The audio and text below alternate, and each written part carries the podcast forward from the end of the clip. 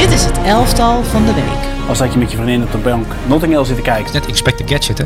Ik heb eh, afgelopen weekend over voorassist gedroomd. Onnavolgbaar. Hij is weer ouderwets een absoluut statistieke monster. Dus dat is gewoon mooi. Dit is zo'n romcom. Van Suleiman en Jarno. Ja, jongens, welkom bij een nieuwe aflevering van het elftal van de week. Wederom in een vertrouwde studio. Eigenlijk weer een soort comeback, een tijdelijke comeback. We gaan weer gewoon eens een keer rustig hier zitten. Vonden we ook alweer eens een keer leuk. Eh, we hebben straks een belangrijke prijsvraag. In die zin, we hebben de Conference League prijs hebben we straks weg te geven. We hebben de Europa League prijs hebben we al weggegeven. We gaan straks wat vragen stellen tijdens de uitzending. Sorry? dat, dat is nieuws voor mij. Ja, dat is een verrassing. Maar jij wilt toch ook soms verrast worden? Ja, ik wil zeker verrast worden. Is er ook een kans dat ik dan eh, ehm, door Laufen of door Han Koek wordt meegenomen? Ik sluit dat niet uit. Maar in dit geval is het inderdaad van Laufen. Maar als gast.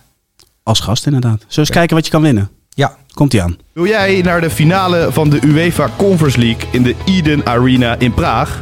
Met Laufe, een merk van Hankook Tire, de officiële partner van de UEFA Europa League en de UEFA Conference League, maak je kans op twee VIP-tickets voor de finale. En daar houdt het niet bij op, want de winnaar krijgt via Hankook ook een complete reis aangeboden voor twee personen naar Praag. Inclusief vliegtickets, hotelovernachtingen, eten en drinken en een citytour. Geef antwoord op de drie quizvragen die worden gesteld in het elftal van de week.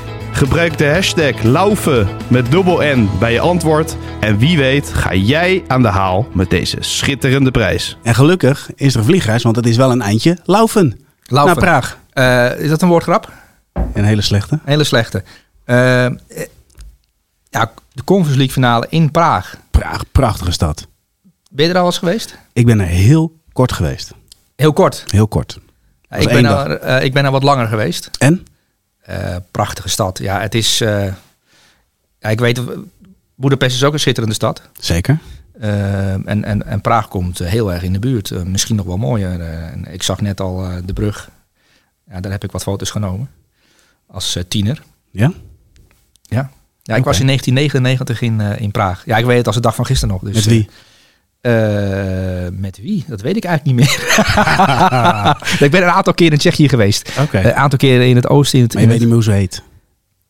Nou, ik ben daar niet met een, eh, met een ze of met een, een meisje geweest. Eh, je bedoelt, Ah. je hebt het over de Karelsbrug en, eh, en, Ja, ja. en, en daar, daar romantische Ja, wandeling. precies. Hangslotje Ehm, ophangen. Je kent het allemaal wel. Nee, nee, nee, dat ken ik wel, maar dat heb ik niet, niet, niet gedaan. Nee, ik vind het gewoon een prachtige stad. En, en, en toen ik er was, kon je bier bestellen. En, als je dan de rekening vroeg, dan, dan zeiden ze 1,50 euro en dan had de hele groep gedronken.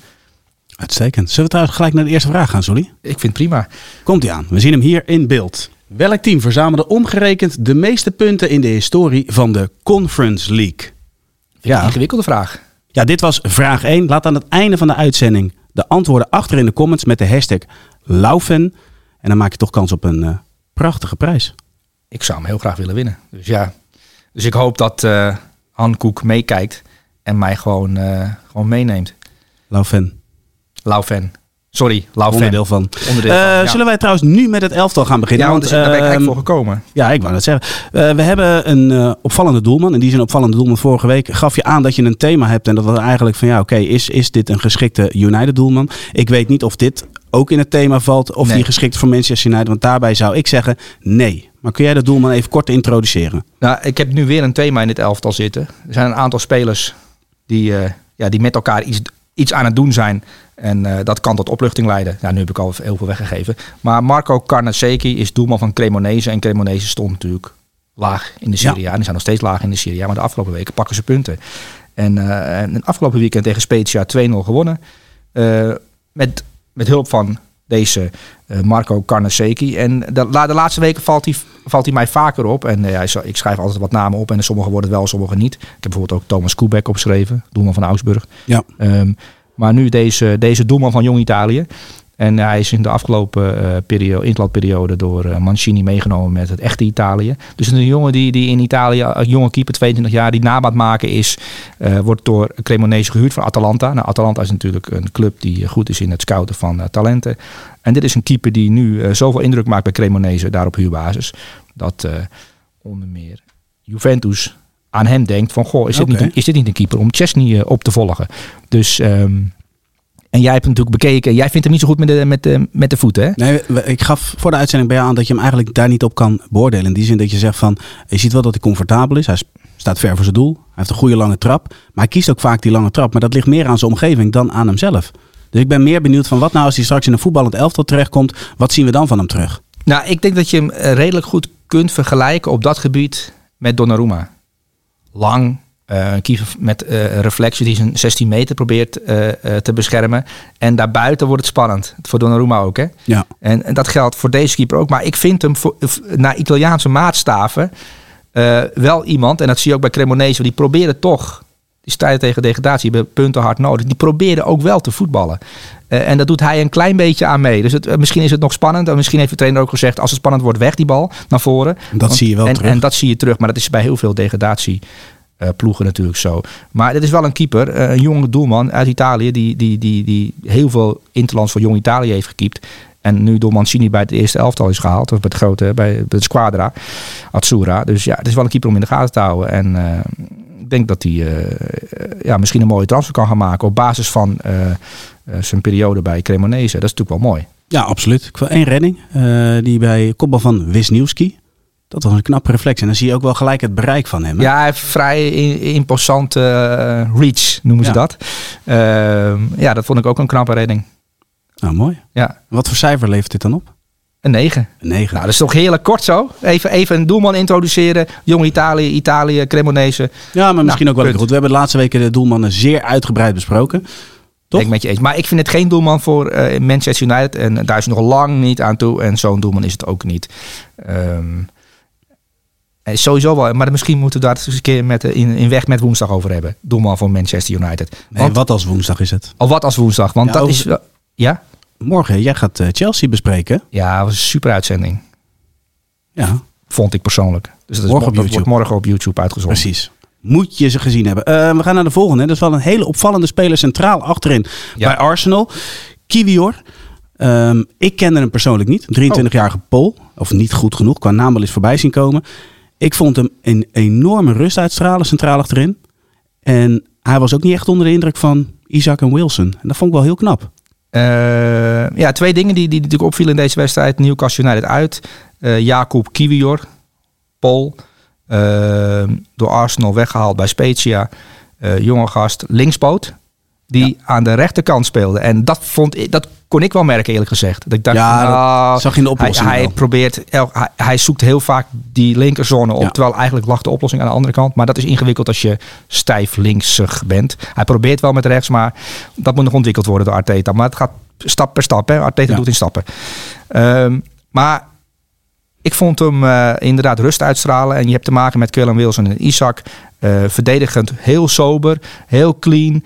eh, en inderdaad voetballend oplossingen durven, durven maken eigenlijk. Dus die keuzes durven maken. En het is wel dankbaar dat Jorginho en Eudegaard je helpen. En dat Saka ook in die zones komt. Dus het gaat erom als rechter centrale verdediger in het geval. maar als linkspoot, dat, ja, dat je opties hebt.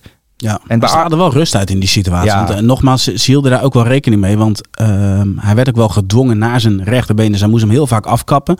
Toch bleef hij wel rustig. Ja, en leed te slechts viermaal balverlies. Dat is ook wel knap, zie ik hier in de data eh, terugkomen. Ehm, ja, en ik heb, eh, kijk, ik had ook Eudegaard kunnen nemen, want die blonk natuurlijk weer uit. Die nam zijn ploeg weer op sleeptouw Zo, in zo'n mooi wedstrijd. goal. Ja. Ehm, en Jorginho trouwens ook een prima wedstrijd als zes. Ehm, maar Jacob Kiwior eh, vond het ook wel leuk om even uit te leggen dat eh, het is toch wel knap van Arsenal. Eh, Saliba valt weg, dan valt Arteta eerst terug op Rob Holding. Nou, dat kan niet. Nee. Dat- Die viel echt zwaar door de mand. Ehm, en dan moet je kiezen voor deze nog relatief onervaren speler die uit de Serie A is gekomen. Ja, en, en, en dat je dan in, in je eerste paar wedstrijden dit niveau haalt, is natuurlijk wel bemoedigend. Ehm, en ook wel goed, want het is natuurlijk een linkspoot, dat je hem ook start links kunt neerzetten. En dat je dan van achteruit eh, nog meer voetbal krijgt. Eens. Nog meer dan met Gabriel. En als je dan Saliba hebt, die natuurlijk ook dat, die daarom bekend staat. Dat is een, echt een, voetballer voor, voor de opbouw. Ja, dan heb je wel wat meer keuzes weer. Met Zinchenko die ook op het middenveld kan spelen. En dan kan Arsenal misschien nog eh, beter aan de bal worden vanuit de achterhoede. En eh, ja, ik heb hem ook geselecteerd. Om een hele andere reden. Ik weet niet of jij... ja, ik doe altijd het totale mensprincipe zoals je weet. Zo, net als Louis van Gaal. Ook de achtergrond van een speler onderzoeken. Vertel. Nou, zijn vrouw Oh. En ik heb de naam even opgeschreven, Claudia Kowalczyk.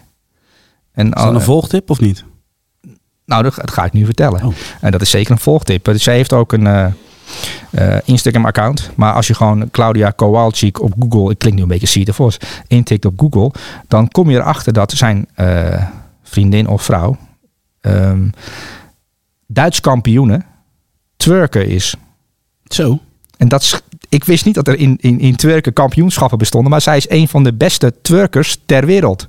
Zij is ook mensen die een mondiaal goede core hebben. Dus die, die zijn heel sterk daar.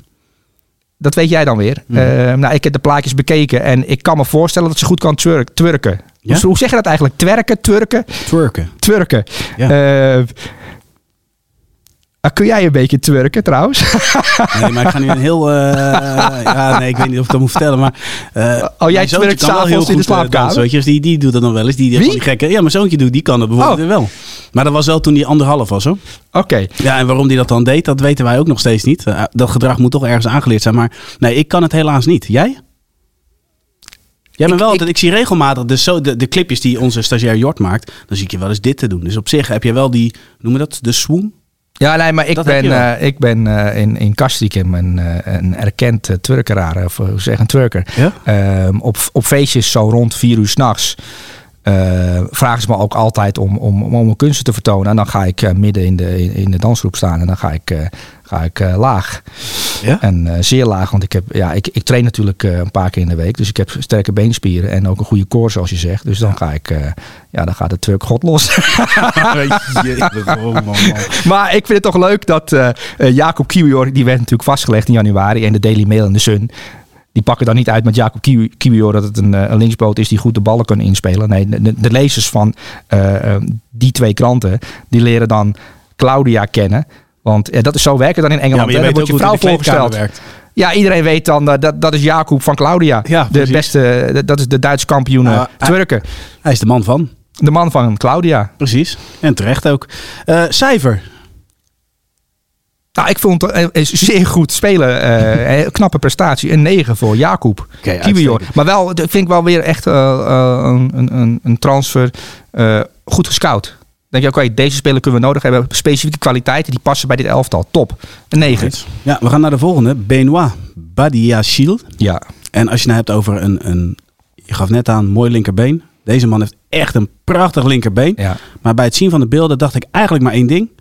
Hier wordt Enzo Fernandes blij van. Ja, normaal gesproken wel. Met zo'n centrale verdediger komt Enzo Fernandes continu op de juiste moment aan de bal. Nou, kijk, Benoit Badiachile die speelt natuurlijk bij AS Monaco. Groot, ja. groot talent. Uh, die, uh, was het niet Thierry Henry die hem ooit uh, diep instuurde? Als 17-jarige, ga jij maar lekker spelen? Zou goed kunnen. Zou goed kunnen. Um, maar ja, hij viel mij enorm op tegen Bournemouth. een jongen die, die aan de bal heel goed is. Maar als je hem ziet, als je in eerste instantie ziet zonder bal, denk je, goh, dat is, uh, dat is wel een grote, grote jongen die, die de luchtduels uh, gaat winnen. Nou, die wint hij allemaal. was kansloos. Kansloos. Dus verdedigd te zien, met hem een luchtduel aangaan in de Premier League. Ja, dat is normaal gesproken wint Benoit Badiashile al die duels. Ja. Maar zijn pluspunt is dat hij, als hij vrijgelaten wordt en Bournemouth probeert in de omschakeling uh, gevaarlijk te worden. Dus Benoit Badiashile kwam vaak aan de bal en die moest dan oplossingen gaan bedenken. En daar is hij vrij goed in. Lang en kort. Uh, en dan denk je, oh, hij is 22 jaar. Uh, die jongen die heeft wel uh, de potentie om, uh, om, om, om, om ja, te groeien bij Chelsea. Samen met Wesley Fofana, die ook snelheid heeft. En je hebt, als je dan een links- of rechtsback hebt die redelijk goed kan voetballen, dan kun je met Enzo Fernandes erbij een, een, een, een, soort van een 3 plus 2 situatie creëren. Dat je denkt van ja, daar zit heel veel voetbal in deze defensie. En we kijken nu allemaal naar Thiago Silva. En dan denk je ja, het is oud en Koulibaly. Maar Fofana, Badiashile en Reece James, heb je eigenlijk al. Pas wel op met wat je zegt, hè? anders krijg je straks mevrouw zelf op je dak. Ja, dat weet ik, maar dat maakt me niet zoveel uit. Nee? Nee. Nee, maar als je ziet, de potentie achterin bij Chelsea is echt top. Je hebt ook nog Chilwell als linksback. En, en Lewis Hall heb je nog als linksback. En dat gaan we allemaal bespreken ook uh, in... Uh, in uh, wat als woensdag? Wat als woensdag. Um, maar de defensie van Chelsea in potentie, ja, echt top. Um, er moet alleen nog een, ja, een, een, een, een partner voor Enzo Fernandes bij op middenveld. Of je moet uh, N'Golo Kante vertellen dat hij niet meer als nummer 10 moet spelen. Um, er moet gewoon een goede trainer bij komen. Ik wou net zeggen, ja. dat, dat is vooral belangrijk. Uh, mooi momentje natuurlijk ook was de vrije trap van Ziyech. op het hoofd van... Op het van, ja, dat is hij ook nog eens. Dat is natuurlijk een jongen met lengte, met kopkracht. En niet alleen verdedigend, want we hebben het net over duels die won. eh, maar ook eh, in, de- in de 16 van de tegenstander. En als je dan iemand hebt met de trap van Ziyech, die hem redelijk fijn bij een tweede paal kan leggen. Ja, dan is het voor eh, eh, lekker om zo'n bal binnen te, binnen te koppen. Helemaal eens. Ook Maar het is- fijn. eh, De statistieken sinds zijn eh, debuut eh, op 15 januari in de Premier League. Eh meeste intercepties op 1. Barry Siele. Meeste balcontacten op 2 na Enzo Fernandez. Barry Siele. Meeste passes op 2 na Enzo Fernandez. Meeste balheroveringen op 2 na Enzo Fernandez. En meeste luchtduels gevonden, gewonnen eh, op 2 na Kai Havertz. Dus je ziet wel dat hij eh, redelijk veel impact heeft sinds hij bij Chelsea daar in de achterhoede eh, de kans krijgt. Eh, het is gewoon een, een, een topspeler in wording. En gewoon ook een Frans international in wording. Die hebben nog weer een speler die zich een ja, aanmerking ze hebben niet zoveel verdedigers, toch? Nou, ze hebben er 44. Ehm, centraal, centraal achterin. Ja, het is Ja. niet normaal ehm, hoeveel, hoeveel opties zij hebben. Ehm, Ja. Op alle plekken in het elftal. Ben ik helemaal met je eens. Ik vind ook dat Frankrijk bij twee elftallen naar een eind, eindronde moet. Eh, ja, ze kunnen er zelfs met drie. Oh, Frankrijk Als je kijkt wat, voor, wat ja. voor teams ze hebben, dan maken ze nog echt serieus kans ook. Ja. Toch? Ja, ze kunnen met, met die twee ploegen in de finale komen. Spelen ze tegen elkaar. Frankrijk 1 tegen Frankrijk 2. Dat zou zomaar kunnen. Ja. Interessante opzet. Ja. Wel mooi hè, die vrije trap van Zier nog even te zien. Ik vond het wel prettig om, om hem weer zo aan het werk te zien. Ja, kijk, hij speelt natuurlijk bij Chelsea. En eh, ja, ik adviseer hem naar een club in de Serie A te gaan. Dan gaat het allemaal net ietsjes trager. Nou, als we de wekelijks de beelden zien eh, in de Serie A, dat is heerlijk voor zo'n speler als hij. Dat je iets meer tijd hebt en dat je gewoon spelers mag uitzoeken. En dat de, de trainers allemaal nagedacht hebben over, over looplijnen en tactieken en eh, waar spelers moeten zijn. Voor Ziyech ideaal. Ik denk dat de, de Serie A voor Ziyech een droomcompetitie is. En dat hij daar dan eh, om de paar weken op de voorpagina staat van La Gazzetta als, eh, als Hakim de Magier in plaats van Hakim de bankzitter. Dus dat zou toch wel lekker zijn dat je op die manier nog kunt opvallen in je carrière. Mooi interessant, want als je naar de volgende speler kijkt, Theo Hernandez, die zou die kunnen lanceren. Maar je moet nog even snel een cijfer geven. Benoit Badiashile, 22 jaar, een 9. Een 9, top. Dan gaan we daarna nu door naar Theo Hernandez. Ja. Dat zou zomaar een speler kunnen zijn die Ziyech, die van rechts naar binnen komt, zou kunnen lanceren. Ja, eh, nu het, als je dat wil doortrekken, inderdaad. Ehm, ja, Theo Hernandez, een van de belangrijkste spelers van AC Milan. AC Milan speelt natuurlijk eh, deze week een halve finale tegen Inter. Ja. Eh, en we hebben een aantal keer spelers uitgelicht. Nou, Leao is natuurlijk een belangrijke speler. Eh, het middenveld hebben we het vaak over gehad. Het middenveld dat eigenlijk de slag won tegen Napoli in de kwartfinale met Benacer. Oh, die vind ik zo goed. Die vond Ja. ik ook dit keer weer Ja, goed. ja, ja, Benacer en De hele linkerkant hè, met Theo, Benacer, Leao. Ja, ik zat eh, daarover na te denken. En we hebben natuurlijk de beste linkerkant van Europa in, in de Eredivisie rondlopen. Ja. Met, met Wijndal. En ik moest aan Wijndal denken op een gegeven moment. Terwijl ik naar Theo Hernandez zat te kijken. Kon je je dat voorstellen?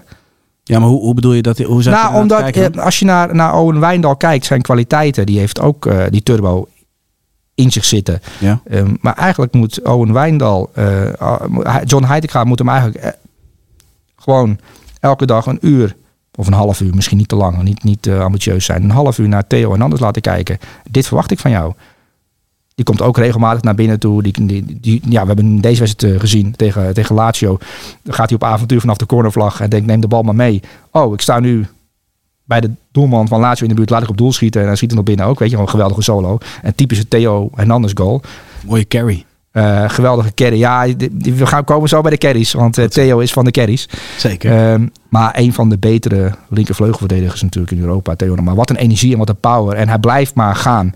en Ehm, gevarieerd. Binnenkant, buitenkant. ja, binnenkant, laag, buitenkant hoog. inderdaad. En dat is ook wat je eh, de beste linker buitenkant of de beste linkerkant van Europa. eh, f- daar, daarvan verwacht je dat natuurlijk. Dus Ja. Owen Wijnal moet iets meer naar Theo en anders kijken. En naar eh Rafa Leao en die wisselwerking. Helaas viel Leao geblesseerd uit. Ik hoop voor Milan dat hij op tijd fit is voor de wedstrijd tegen Inter. Eh, maar nu speelde Salamakers als invaller aan die kant. Maar Milan komt wel in aanmerking voor de beste linkerkant van Europa. Zeker weten, ja. Eh, met, met Leao en eh, Theo Hernandez. Want er zit wel echt heel veel loopvermogen, techniek, fantasie. En ook eh, leiderschap. Hè? Theo Hernandez is ook een van de aanvoerders van, van AC Milan. Dus zeer belangrijke speler. Absoluut. Ehm, de carries, daar hadden we het net al over. Ja, ja dit is eh verdedigers met de hoogste carry distance. Dit seizoen in de Serie A. Op één Theo Hernandez van AC Milan. Met 5422 meter aan carries. Dat zegt op zich niks het getal. Maar hij staat bovenaan het klassement eh, wat de carries betreft. Op twee, Kalulu van Milan, is opvallend. Ja, absoluut. Maar er is ook een technisch begaafde verdediger die natuurlijk ehm, eh, het middenveld indribbelt. En dat, dat zie je dan terug in, in de carries. En op drie, en dat is wel interessant, Min Jae Kim van Napoli, die natuurlijk ook, Het monster Kim. het monster Kim, die, die, ja, die ook door Spalletti is eh, uitgedaagd om aan de bal wat langer te wachten. Dus op de, aan de wandel te gaan en te kijken van eh, kun je lokken en dan spelen. En zo kunnen we doorvoetballen. Nou, dat zie je dus terug in, de, in, dit, in dit klassement. En Theo Hernandez eh, eh, staat er op één. Maar Min Jae Kim dus op drie. Ehm, En ook dus productief. en productief, ja. Ja, ja Theo Hernandez, is ook nog, ja, ik vergeet die cijfers een beetje. Maar goed dat jij hier Ja. bij de les bent. Verdedigers met de meeste goals en assists in de grote vijf competities. De laatste drie seizoenen. Nou, op één Trent Alexander-Arnold met 34 goals en assists. Op twee Andy Robertson De andere kant van met Liverpool. 33. Ja, dat is wel opvallend. Hè? Ja, die, twee hebben natuurlijk zeer productieve jaren gehad Ja. de afgelopen drie jaar. Eh, en op drie Theo Hernandez met 28 goals en assists. Dus hij is, ehm, nogmaals voor Owen Wijndal, hij is onderweg, heen en weer, met en zonder bal. Ehm, hij heeft de aanvoerdersband om, hij heeft verantwoordelijkheid en hij is een optie voor ploeggenoten. En als hij in de positie komt, zelf een assist of een goal. En hij kan ook nog redelijk goed koppen, hè, deze jongen. Dus al, hij duikt ook soms de 16 in en dan kan ze echt die bal voorgeven. En dan kopt hij hem binnen. Ja. Dus het is een, echt een, eh, zeer dankbare speler voor een trainer die heel veel energie en power levert.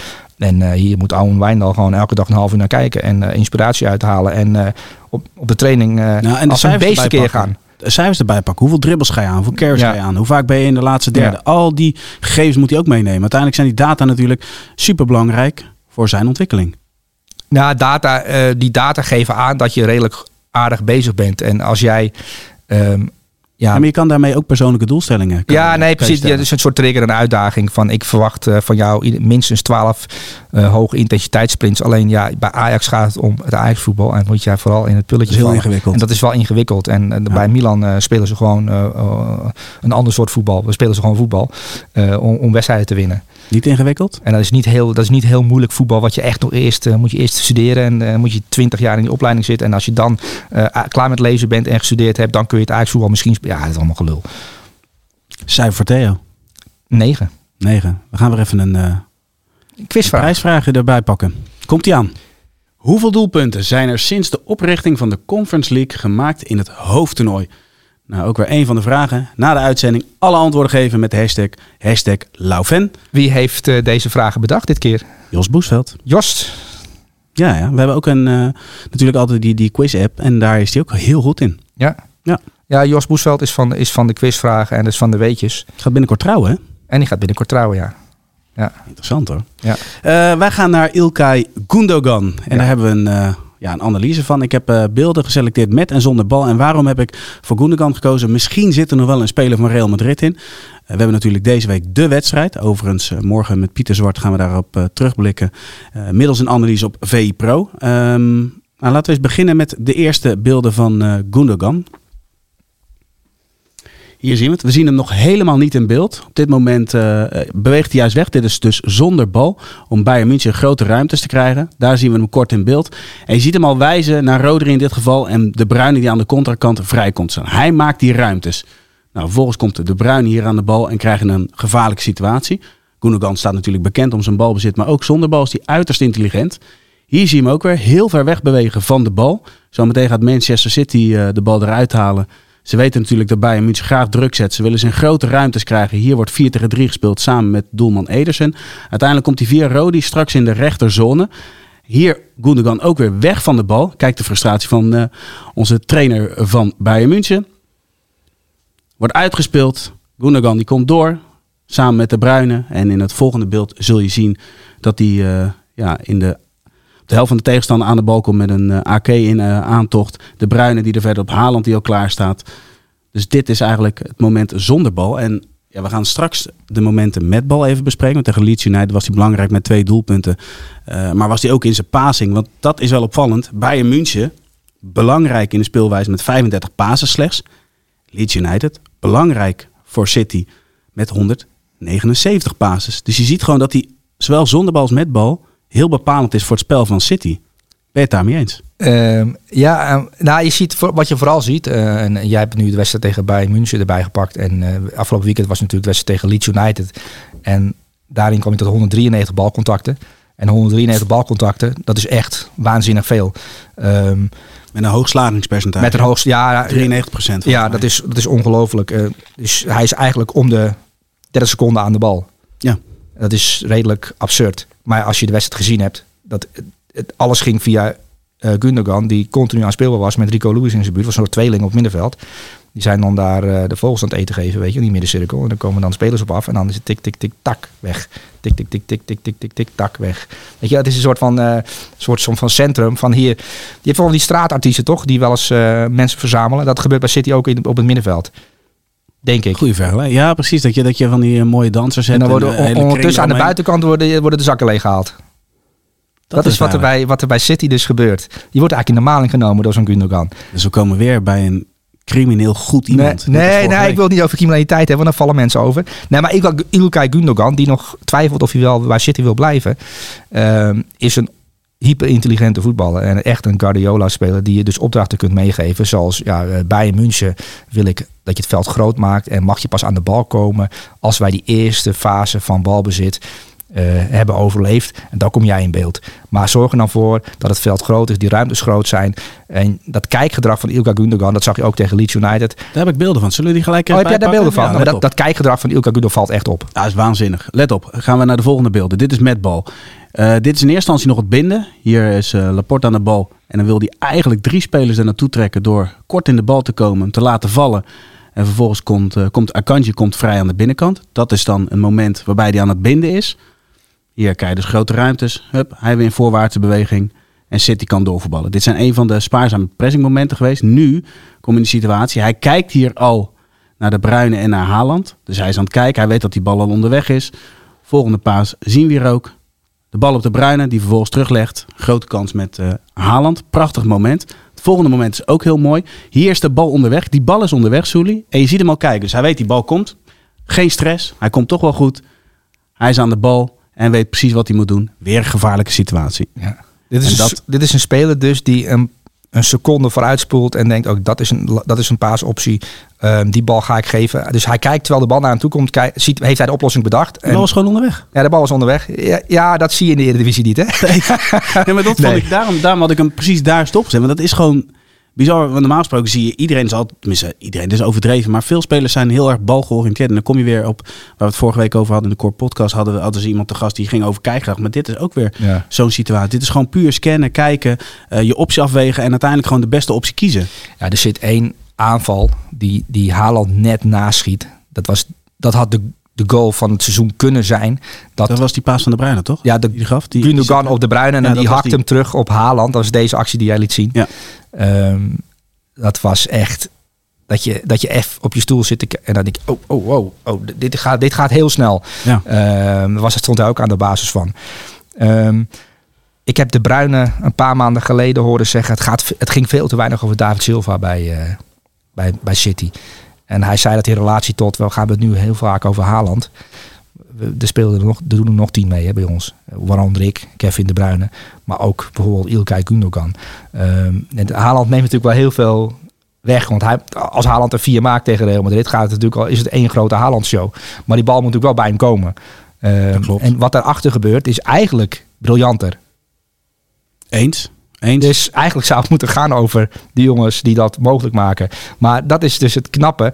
Ehm, het lijkt allemaal zo simpel. Het lijkt alsof eh, de tegenstander, in dit geval Leeds United, er helemaal niets van kan. Die bal gaat maar rond, 193 balcontacten. Jeetje mina. Is er niemand die Ilkay Gundogan dekt? Kunnen ze dat niet bedenken? Ja, maar dat heeft City allemaal al van tevoren bedacht. Want Rico Lewis, die zorgt ervoor dat Ilkay Gundogan maar zo vaak aan de bal kan komen. Want Rico Lewis, die jonge jongen, Ja, ja. die nu speelde, denk ik om, om, om een aantal spelers rust te geven in aanloop naar Real Madrid.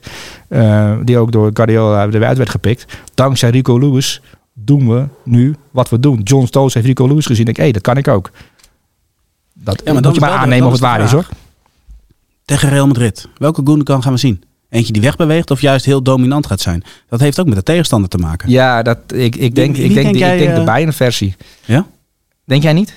Ja, ik, ik, ik weet dat niet zo goed. Ik denk het eigenlijk ook. De andere kant, Bayern heeft de intentie om druk te zetten. Real Madrid zal het initiatief laten aan Manchester City. Ja. Dus dan is weer de vraag van, ja, ga- gaan ze dat dan doen? Gaan ze dat niet doen? Ja, het is wel zo dat, dat trainers als Pep Guardiola een wedstrijd voor een belangrijke wedstrijd ook wel gebruiken om te experimenteren. Soort van tactiek in een tactiek tijdens een wedstrijd eh, in de hoop dat Ancelotti niet kijkt. Ja, natuurlijk kijkt Ancelotti. Ehm, en Dus Ja. we hebben eigenlijk de generale repetitie gezien. dit is een generale repetitie voor, eh, voor, het, grote, voor het grote festijn op dinsdagavond eh, in Bernabeu. Zeer belangrijke wedstrijd voor de hele periode van Guardiola bij Manchester City. Dit is een van de wedstrijden die zijn hele carrière bij City ehm, ja, gaat, ehm, gaat bepalen eigenlijk. Is het een succes of niet? Bayern München was voetbaltechnisch gezien en eh, teamtechnisch gezien een succes. Maar toch zeggen ze ja, de Champions League niet gewonnen. Dus gefaald. En dat gaat natuurlijk ook bij City zo zijn. Ehm, dus dat is voor hem denk ik wel een spannende wedstrijd. En dat merk je ook, want een- de Champions League is echt een enorm doel intern. Bij City is dat ook zo uitgesproken. Eh, en er kwam laatst een foto eh, eh, van Jack Grealish. Die maakte een foto van, een, eh, van zijn eigen been. En op de achtergrond hadden, hadden een paar slimmerikken ingezoomd. En er stond er op een bord, goal, Champions League. Dus alles staat in het teken van de Champions League. Alleen ja, dat, dat spreken ze niet zo uit in de interviews. Want dat is een beetje raar om te zeggen, maar we willen alleen maar de Champions League winnen. Ik kijk wel enorm uit naar die wedstrijd. Maar ook wel van, wat, wat gaan... Kijk, wat Real Madrid gaat doen, dat is denk ik wel bekend. De vraag is alleen, wat, wat, gaan ze voorin doen? Gaat hij kiezen voor eh, Ro- Rodrigo of gaat hij kiezen voor Valverde een extra middenveld? Ik denk dat laatste. Maar dat, dat zijn wel een beetje de ideeën die dan spelen. Maar bij City heb jij niet dat je echt denkt van, ja, wat, wat gaat hij precies doen? Hij heeft natuurlijk in het verleden wel eens dat de wedstrijden overdacht. En, en kwam hij met de meest krankzinnige dingen. Eigenlijk kwam hij mee, dat is hem ook wel eens fataal geworden. Ja, ja dus, Pieter Zwart is daar natuurlijk al dagen mee bezig. Die probeert dan het opstellen. slaapt slechter van. Hè? Ja, die slaapt slechter van. Die wil de opstelling raden. En gaat Guardiola het aandurven om en Julian Alvarez en De Bruyne en Haaland op te stellen? Ik denk het niet. Ik denk dat Bernardo Silva zou spelen. Durf jij de opstelling te raden? Eh, voorin Bernardo Silva in plaats van Riyad Mahrez. Dat denk ik ook. Vermoed ik. Dat denk ik Want ook. Camavinga is onderweg. Ja. Eh, dus, maar en Vinicius Junior. Dat is wel voor alle ploegen in de Champions League. Als Real Madrid op miraculeuze wijze wint, is het vaak omdat Vinicius Junior aan dribbelen slaat. Alleen dat, ja, daar gaan we het straks over hebben. Wat moet je daar tegen doen? Ja, er is maar één speler bij City die er iets tegen zou kunnen doen, denk ik.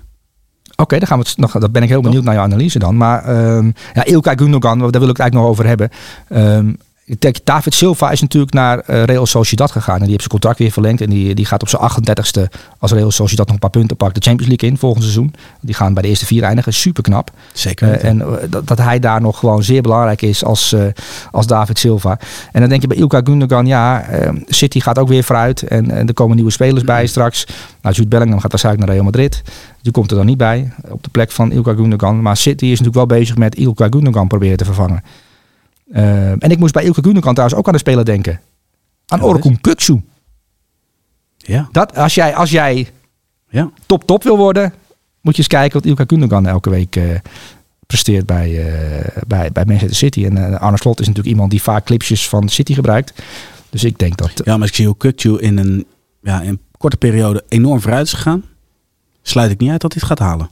Ja, dat hij dat niveau gaat, dat zou heel mooi zijn voor hem. Nou, maar je ziet hoe, hoe groot die, de, de stappen die hij gezet hoe groot die zijn. Ja, En hij zit nog niet aan zijn plafond. Hopelijk ja. kan het wel interessant worden. Maar Ilkay Gundogan is wel een topspeler, hè? Oh, Ja, qua intelligentie. Gaat ook een trainer worden. 100% trainer. Die wordt ja, trainer. dat zag je al op de, op de beelden. Ja. Trainertje op het veld. Cijfer voor Gundogan. Een 9,5. 9,5 top. We gaan weer door naar de volgende. En ik ben blij dat hij weer eens in je elftal staat. Het is een tijdje geleden alweer. Ah, mag ik nog één, één statistiek, want we hebben het over passes en over bal. Maar ook de meeste balveroveringen. 11. Ilkay Gundogan. Vergeet de gemakshalve. Ja, dat vergeet je even. Dat hij ook nog gewoon als, als, als City de bal eh, eh, verliest en het omschakelmoment dreigt, bam. Ilkay Gundogan zit ertussen. 11 balveroveringen is veel. Uitstekend. Volgende speler. Een van mijn favoriete voetballers in de Ligue 1. Nou, ik ben blij dat het weer terug is. Het is een tijdje geleden. ja. ja. en ik dacht wel, arme Rangier. Ja. Klapte die een paar keer over. Hé hey, jongen, niet normaal. ja, het is niet handig om tegen Lans achter te komen. Hè? Nee. Want dan, dan, dan denken ze, oh, oké, rustig aan. We hebben Openda, die is redelijk snel. En dan wordt Seco Fofana, want daar hebben we het over. Eh, die wordt dan een soort tweede spits. En die kan ook redelijk goed eruit komen. Nou ja, Die- 50, 60 meter. Dat, dat, rijdt ze al niet voor op. Nee, nee, geweldige speler. Ehm, en Lens, Lens wint met 2-1 van Marseille. Eh, weer een stap dichter bij de Champions League. Ehm, en ja, thuiswedstrijden van Lens zijn echt een belevenis.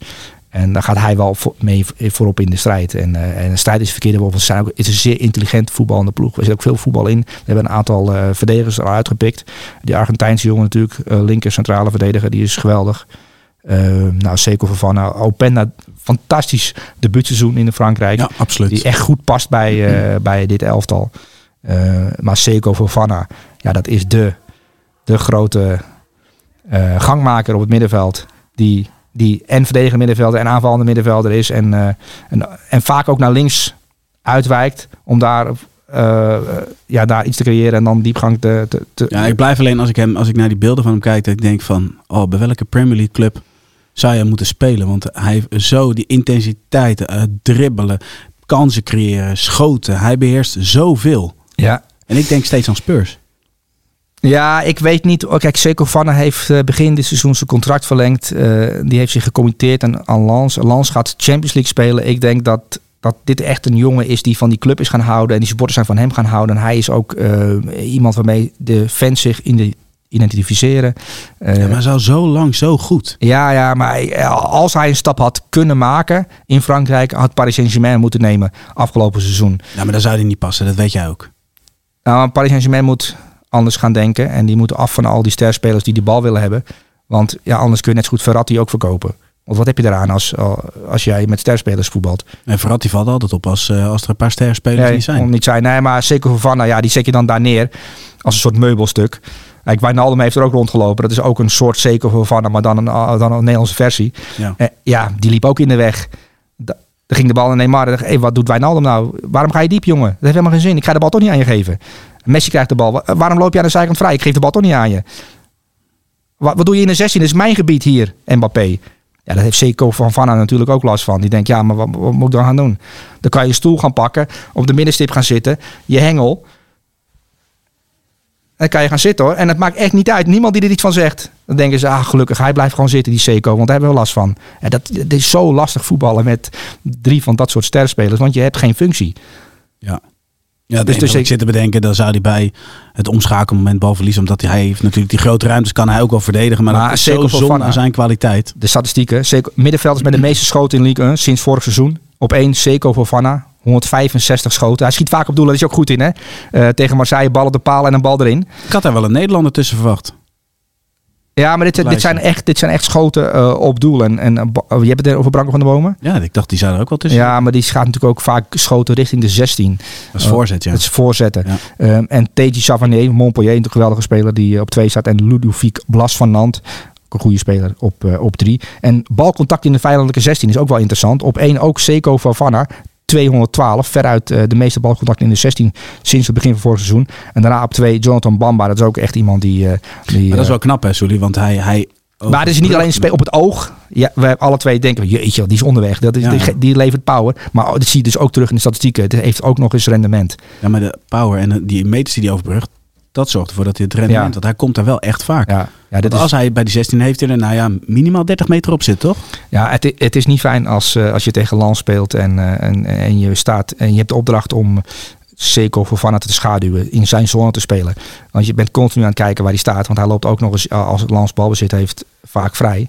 En hij komt ook nog soms tussen de verdedigers in om vanaf daar het spel op te gaan bouwen. Dus hij is, hij is redelijk dynamisch. Absoluut. Ja. Absoluut. Wat krijgt hij voor zijn optreden tegen Marseille? Een 9. Een 9. En dan gaan we naar Marius Bulter. Boelter. Mooie actie. Uh, ja, ze vergeleken het in Duitsland met, uh, met de oude, oude Ronaldo. Ja. Marius Bulter veranderde even in, uh, in de Braziliaanse Ronaldo. Overstapjes, overstapje, overstapje, Je weet dat ik daar niet zo'n fan van ben? dit is een van die spelers waarvan ik... Dit, dit is weer een, die komt in de Ivan Tony categorie. Dat je denkt van ja, maar dit is een, een, een gemankeerde linksbuiten uit de derde Bundesliga. Ja. Maar daar komt hij ook letterlijk vandaan. Mag ik zeggen dat hij, dat hij iets te elegant is om in dat rijtje terecht te komen? Die actie is toch gewoon weer Ja, ik vind, ik, uh, als je uit bij Mainz speelt en Schalke 04 heeft echt punten nodig. Grote club die uh, op degraderen staat. Um, en de laatste weken uh, was het eigenlijk al min of meer gedegradeerd, eh de Schalke 04. Mhm. En dan toch nog de geest vinden, eh, punten pakken. En eh, dat is wel aan de hand van deze hardwerkende, vrij technische, voor zijn begrippen eigenlijk vrij technische, voor, Duits, voor Schalke begrippen vrij technische linker middenvelder, linker aanvaller. Die, die, en dat is ook wel in minuut 9 of 12 in blessuretijd een bal op de stip leggen. En dan hem, ja, je moet hem raken. Dat levert drie punten op. En de het is- laatste winnende treffer, toch? ja, dat. Oh ja, wat hebben we natuurlijk. Zat ik eh, nog nooit een doelpunt gemaakt. Later dan, eh, eh, dan dit doelpunt van Bulten. In minuut 12 zie ik hier staan. De 90 twaalfde plus 12. minuut van de blessuretijd. Eh het is het laatste balcontact van de wedstrijd. En het betekent eigenlijk wel of niet raken. Betekent wel of niet degraderen. Dus kun je het je voorstellen? Dan moet je sterke persoonlijkheid zijn. Dan moet je behoorlijk sterke persoonlijkheid zijn. Ja. En, dus eerst zo'n doelpunt maken. Dat je denkt van wow, geweldige actie. Doet hij anders nooit. Eh, en dan eh, in minuut 12 van blessuretijd zo'n bal binnenschieten bij 2-2 uit bij Mainz. Ja, dat betekent wel dat Schalke 04 er nu nog eh, volop in gelooft. En, en, en sterker nog, een grote kans maakt om niet te degraderen. En dat is natuurlijk wel te danken aan deze Marius Bulte. En dan, of jij er nou wel of niet van houdt.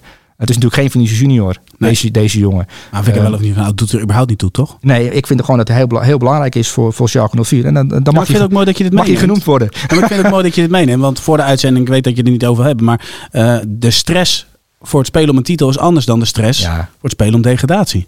Nou, er staat best wel veel op het spel. Hè. Hoe HSV is een tijdje geleden gedegradeerd.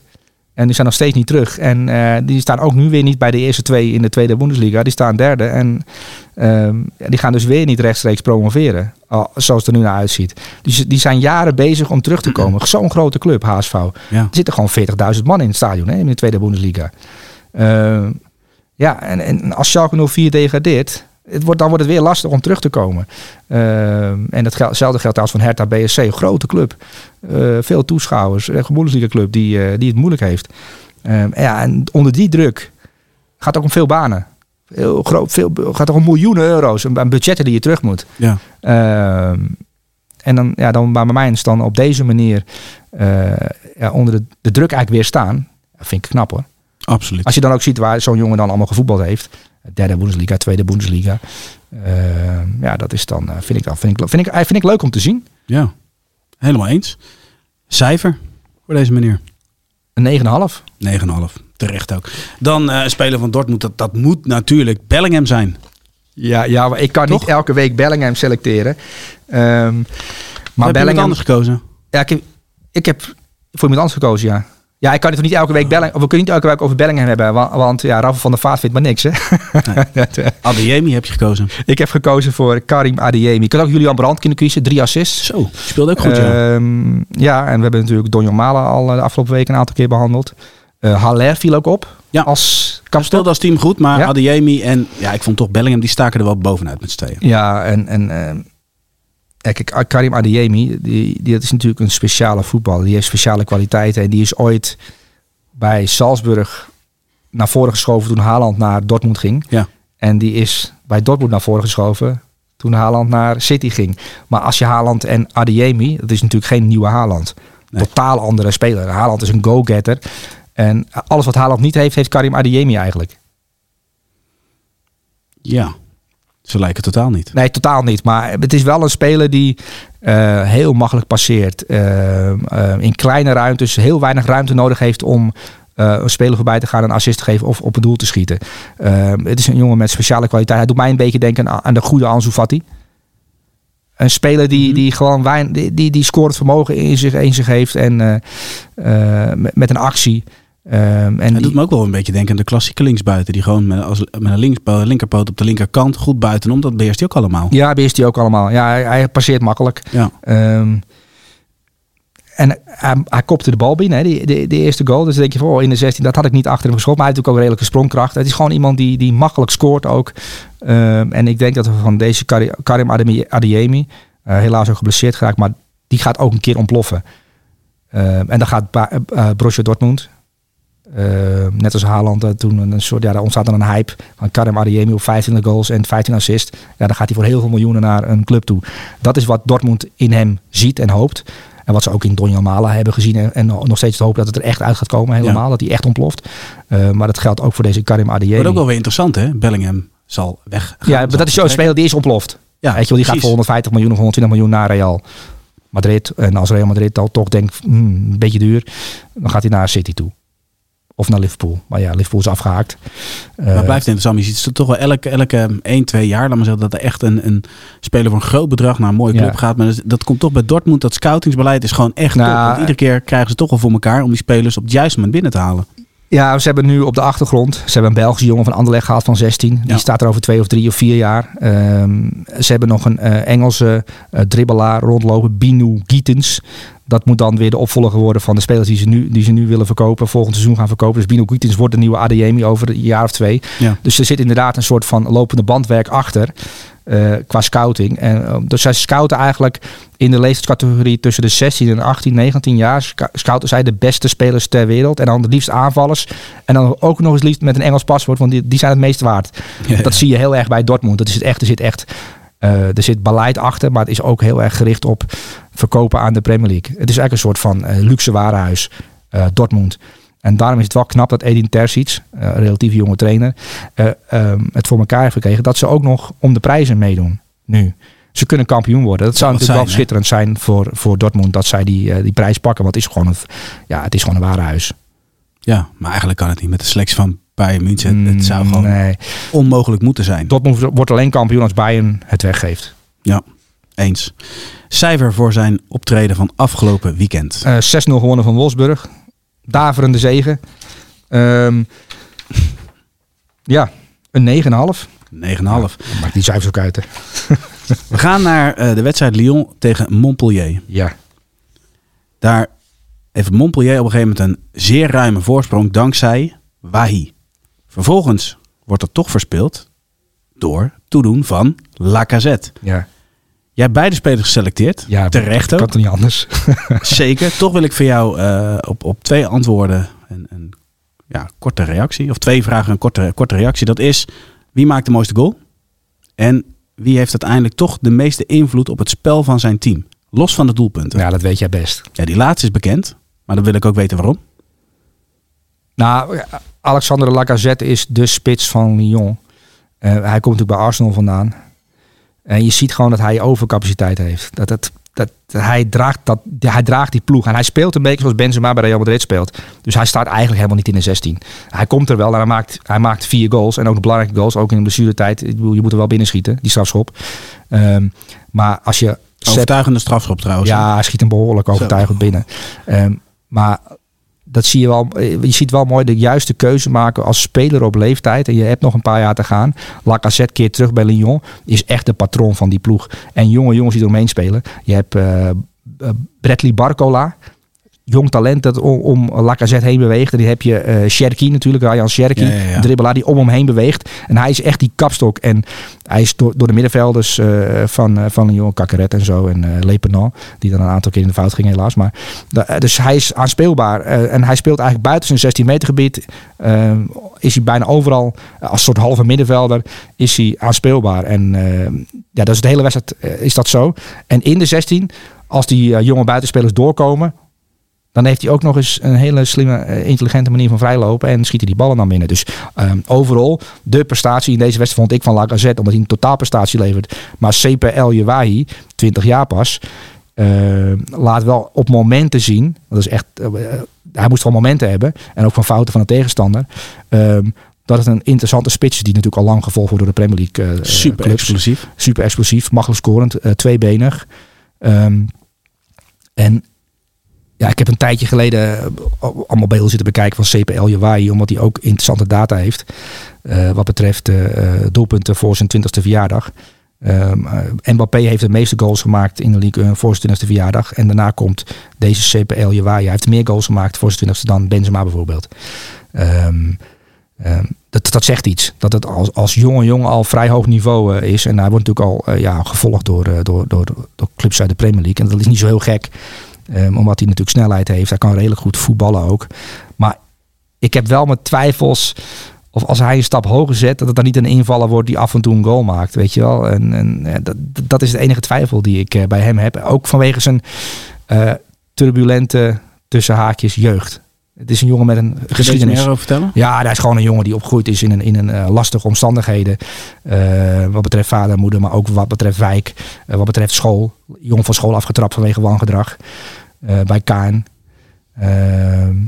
Eén verhaal wat ik gelezen heb in SoFood over, over CPL Jawai. Wordt een beetje ontkend eh, van, eh, van zijn kant. Maar dat hij eh, ooit als wraakactie eh, in de wc's drie jongens had opgesloten. Hun kleding had uitgetrokken. eh, en daarna vertrokken was met de kleding. Dus drie naakte jongens in, in die wc's. En daarna is hij van school getrapt. Oh, En, en ook bij, bij KN eh, weggestuurd. En moest dan weer via via eh, een club zoeken. Eh, dus dat, die geschiedenis speelt, draagt hij met zich mee. Waardoor ook clubs een beetje... eh, Want eh, Paris Saint-Germain wilde hem bijvoorbeeld ook hebben toen. Als 16-jarige. Maar dit gedrag kwam er mee. En als jij je onderzoek doet als club... Ja, clubs die schrikken hier wel een beetje van. Want ja, zo'n jongen is pas 20 jaar. Wat gebeurt er als je hem 100.000 euro in de week geeft? Vaak als een speler er niet uitkomt eh, bij een topclub of hij slaagt niet, is het toch vaak zo van traint niet consistent genoeg, is te veel bezig met andere zaken eh, dan voetbal. Eh, en eh, Jack Grealish bijvoorbeeld, en een heel kort zijstapje, heeft wel uitgelegd van je Haaland is een machine. Eh, Mhm. Die heeft er net vier gemaakt en die is nu alweer bezig met eh, zaterdagmiddag. Ja, ik heb eventjes tijd nodig om in een, een of andere ingewikkelde bar mijn benen los te schudden. Want ik heb die ontspanning nodig. Ehm, dat wordt geaccepteerd omdat hij een bepaald niveau heeft. Maar ehm, als jij niet presteert, dan komt het al gauw daarop aan. Maar over Sepp El Jawai, ja, ik heb in, in, in zo'n voet een verhaal gelezen een jaar geleden over Sepp El Jawai. Waar ik wel een klein beetje van schrok. Dat ik denk van oké, eh, van school gestuurd op zijn zestiende, bij, bij Kaan weggestuurd ja. op jonge leeftijd. Omdat hij eh, ja, op school iets stout had gedaan. En dat stoute dat, eh, is dat hij in de, in de wc-ruimte had ruzie met een paar jongens. Die dwongen je om hun kleren uit te trekken. Die heeft hij naakt achtergelaten. En daarna is hij met de kleren vertrokken. En ja, daarna is hij van school gestuurd. Ehm, komt, eh, komt uit een ingewikkelde, moeilijke eh, wijk. Moeilijke jeugd ook. Ehm, had ook eh, kunnen, eh, in, in de criminaliteit terecht kunnen komen. Maar omdat hij goed kon voetballen, is hij voetballer geworden. Dat is eigenlijk zijn redding geweest. ja. Ehm, ja, en dan vraag ik me af, als je zo'n jongen dan 100.000 euro geeft per week bij een eh, club in de Premier League, of die dan ehm, consistent is in zijn gedrag en op echte prof is. Dat vraag ik me dan af. Dat, daar Ja, zou ik wel rekening mee houden. ja maar ik, ik, begeleiding is daarin alles. Ja, maar dat, Begeleiding is, is dat is daarin wel alles. het, het, het probleem vaak. ehm, dat clubs en trainers vooral daar teleurgesteld worden. Want je, je, kunt, je kunt 50 spelers opnoemen die de afgelopen 10 jaar naar de Premier League zijn geweest. Die niet mislukt zijn om deze reden. Ja, maar als je ziet wat, wat voor bedrag je uitgeeft aan een speler en je bent dan niet in staat om als club, laat maar zeggen, ook een stukje eh, zorg, nazorg, eh, weet je, de, de, een beetje nou ja, sociale controle. Als je dat dan niet hebt, ja, Ja. serieus, als jij, een- als jij een grote investering doet, dan laat je de boel, er, je huis, je grootste investering, laat je het er ook niet verpauperen, of wel? Nou, er zijn heel veel mensen die, die, die, die een huis kopen en daarna achterkomen dat, eh, dat het huis rot is of zo. En er zijn ook heel veel bedrijven die mensen in dienst nemen en die komen er dan later achter dat, dat, dat ze een enorm idioot in dienst hebben genomen. Maar daarom heb je tegenwoordig proeftijd en zo. Eh, maar proeftijd Ja. bestaat natuurlijk niet eh, bij voetbalclubs. Dat je eerst een speler een maand Ja, op proef om, neemt. je, je investeert zo enorm veel Ja. geld, Maar, dan moet het toch wel een, een potje zijn voor dat soort zaken. maar Pieter eh, vertelde mij dus het verhaal dat ze daarom bij Brighton en Hove Albion ehm, werken met privédetectives. Dus als zij bijvoorbeeld een speler op het oog hebben, dan sturen ze er een privédetective op af om te kijken van hoeveel vriendinnen iemand heeft, bijvoorbeeld, eh, hoe vaak hij eh, in het nachtleven te vinden is, eh, hoe laat het licht uitgaat.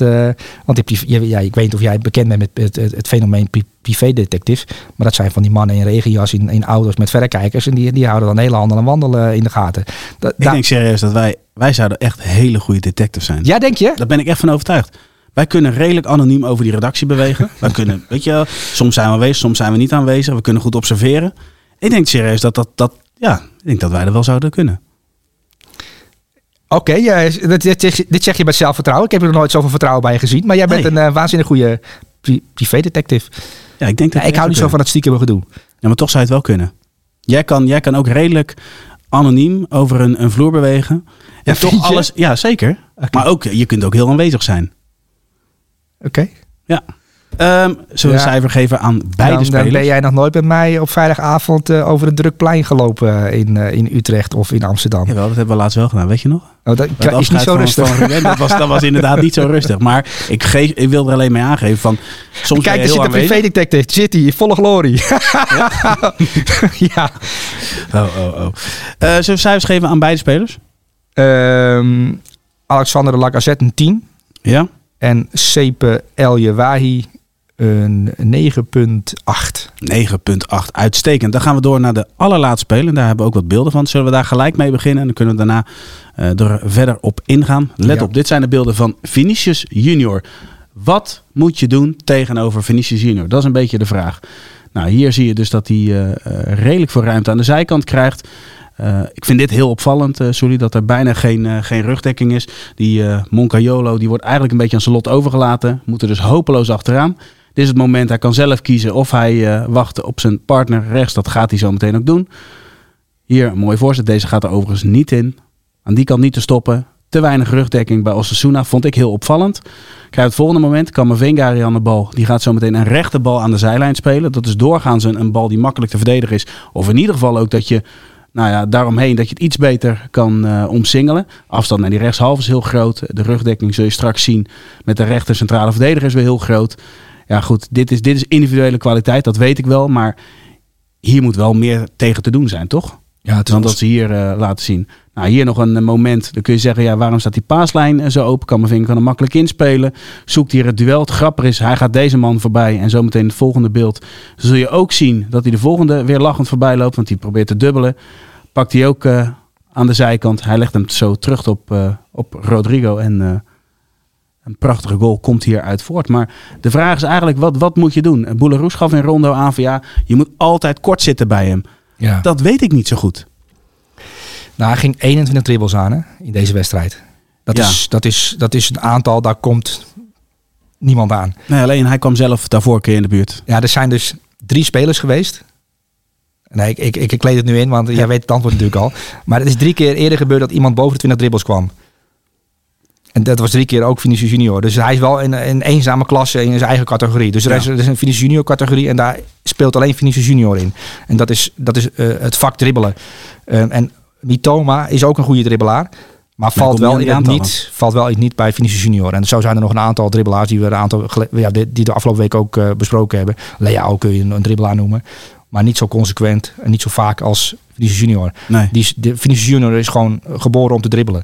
Ehm, en, Maar wat, wat moet je dan doen? Want eh, het is best wel een lastige situatie. Want, want, ja, Wan eh, moet je in je selectie hebben zitten. of Kyle Dus Ja, maar ik vind Ka- Wan Bissaka die is eigenlijk geboren om dribbelaars te stoppen. Ja, maar er Dus- is er maar eentje van, hè? Er is er maar eentje van. Ja, je Ja. kunt geen twee Wan Bissaka's. eh, Nee. Ook al heeft hij Wan Bissaka, zou ik zeggen. Misschien dat je. Maar Ja. nu wordt het ingewikkeld. Ehm, ja, Kyle Walker is natuurlijk.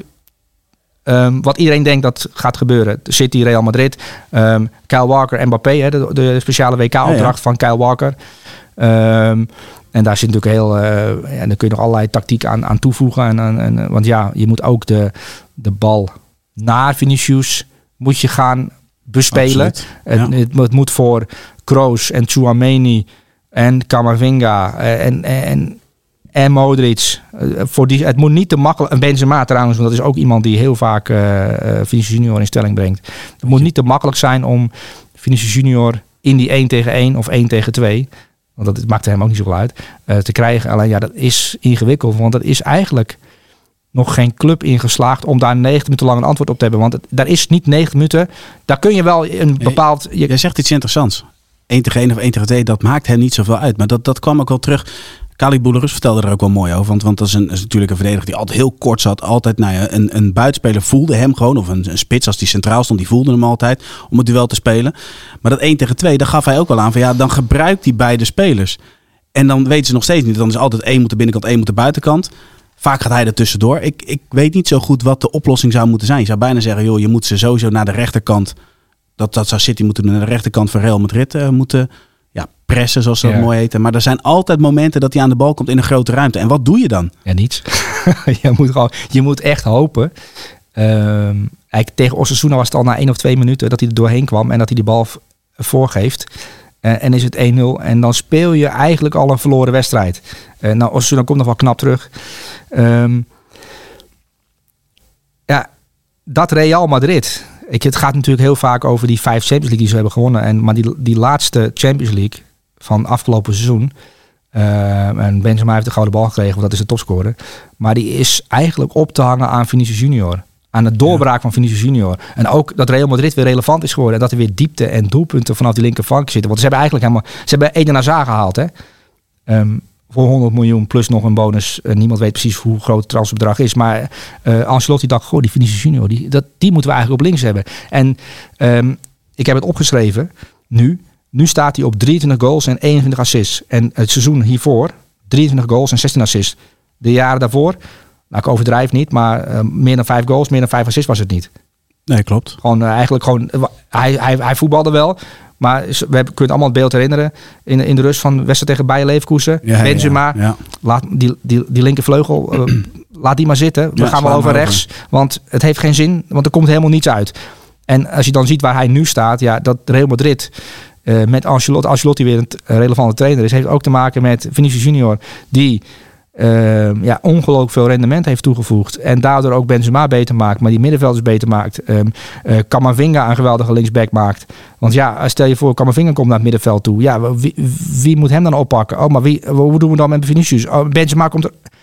Dan wordt het wel druk aan die linkerkant met Vinicius, met Benzema. eh, met Kroos, die ook nog eens heel slim... eh Eigenlijk overladen ze die linkerkant. ja, het is, ja en, en dan is het wel ingewikkeld om hem af te stoppen. Eh, en dan kun je daar ehm, alle City-kanonnen op loslaten. Eh Akanji, eh, Walker, eh, Stones. Eh, City zal gewoon meer goals moeten gaan maken dan Real Madrid. En hopen dat, ehm, dat ze niet alle hun kansen benutten. Ze Nee, natuurlijk, dat is natuurlijk het punt. Dat klopt, maar toch is het wel lastig. Je, je, je proeft een beetje bij alle kenners. City, Real Madrid, City is de favoriet. Ja. Maar kijk je naar de beelden van Vinicius, denk je wel van... Oeh, Maar dat is natuurlijk bij alle, dat is met elke tegenstander zo. Ehm, je, hebt, je hebt spelers, ehm, daar kun je wat voor bedenken. Dat geldt ook voor Mbappé, daar kun je iets voor bedenken. Ehm, maar die weet op de een of andere manier toch altijd wel zijn ruimte en zijn momenten te vinden. En, en Vinicius Junior is nou eenmaal ja, ongelooflijk goed in dribbelen. En, en, en ook we hebben, jarenlang hebben we gepraat over Messi en Barcelona. Ehm, ja, hoe stop, je, hoe, hoe stop je die af? Honderd keer tegen Atletico gespeeld, eh, Messi. Of, of 40 keer. 30 goals gemaakt of zo. Eh, Simeone die had er allerlei plannen voor. Die had hele, eh, hele eh, kluizen had hij om hem heen gebouwd. Hij was helemaal ingebouwd met spelers. En toch vond hij dan in minuut 93 een moment ja, dat is het. Dat is En- altijd een moment. ja, omdat hij, ja, die, die heeft iets, iets eh, bijzonders, iets speciaals. En dat heeft deze Vinicius Junior ook. Um, eigenlijk Leao heeft dat ook. Maar één keer in de drie wedstrijden heeft hij iets geniaals. En Vinicius Junior heeft dat nu per helft een paar keer. Um, en dan moet je maar hopen dat Benzema niet in de 16 staat om die bal binnen te tikken. En helaas voor, voor Chelsea en eh, voor al die andere tegenstanders, Paris Saint-Germain vorig seizoen. Ja. Ehm, ja, de Vinicius Junior is, is, is eigenlijk niet af te stoppen. Omdat hij bepaalt. En jij, ik heb het niet- helaas niet gezien, Khalid Bourous en die uitleg. Eh, maar hij bepaalt waar jij heen gaat. Nou ja, dat gaf hij ook al aan. Dus eh, het, is, het, is, het is lastig. Dus eh, het is, het is, je bent eigenlijk een danspartner. Eh, eh, in vrouwelijke in dit geval. En, en normaal gesproken, als je gaat dansen met een man en vrouw, eh, Dan leidt de man. dan leidt de man. Maar dit, is nu, dit klinkt wel heel erg. eh, dit is old-fashioned. Hè? We moeten het tegenwoordig. eh eh, LHBTIG. Is het old fashioned? Dat is toch traditioneel? Traditioneel, ja, en ik ben helemaal niet traditioneel. Dus, Nee? eh, dus eigenlijk, eh, ja, maar dit, in voetbal geldt het dus natuurlijk gewoon wel nog. Precies. Eh, dus de dribbelaar, de, en in dit geval Vinicius, die leidt. Dus je kunt, er, je kunt er vijf man neerzetten, maar dan kom je er alles spelers tekort. Dus je kunt er van alles op bedenken. En daar, daarom gaf ik ook maandagmiddag aan in het rondje. Uh, ja, die, die Guardiola zit al vier, vijf dagen over die laptop gebogen. En die had al voor de wedstrijd tegen Leeds een oplossing bedacht. Want dit is voor hem de grootste uitdaging. Ehm, is, is Real Madrid bespelen. En eh, je, je kunt je herinneren, Barcelona Real Madrid 5-0 Ja, ja. dat is een van de wedstrijden van, van Guardiola. Als hij gestopt is met voetbal, dan gaat het over die wedstrijd. Eh, hij wil nog een keer zo'n moment beleven met een andere club. Dit is deze week en volgende week kan zo'n moment zijn dat, dat iedereen zegt... jeetje mina, wat Guardiola, wat hij nu heeft opgebouwd bij City... komt allemaal tot uiting in die ene halve finale tegen Real Madrid.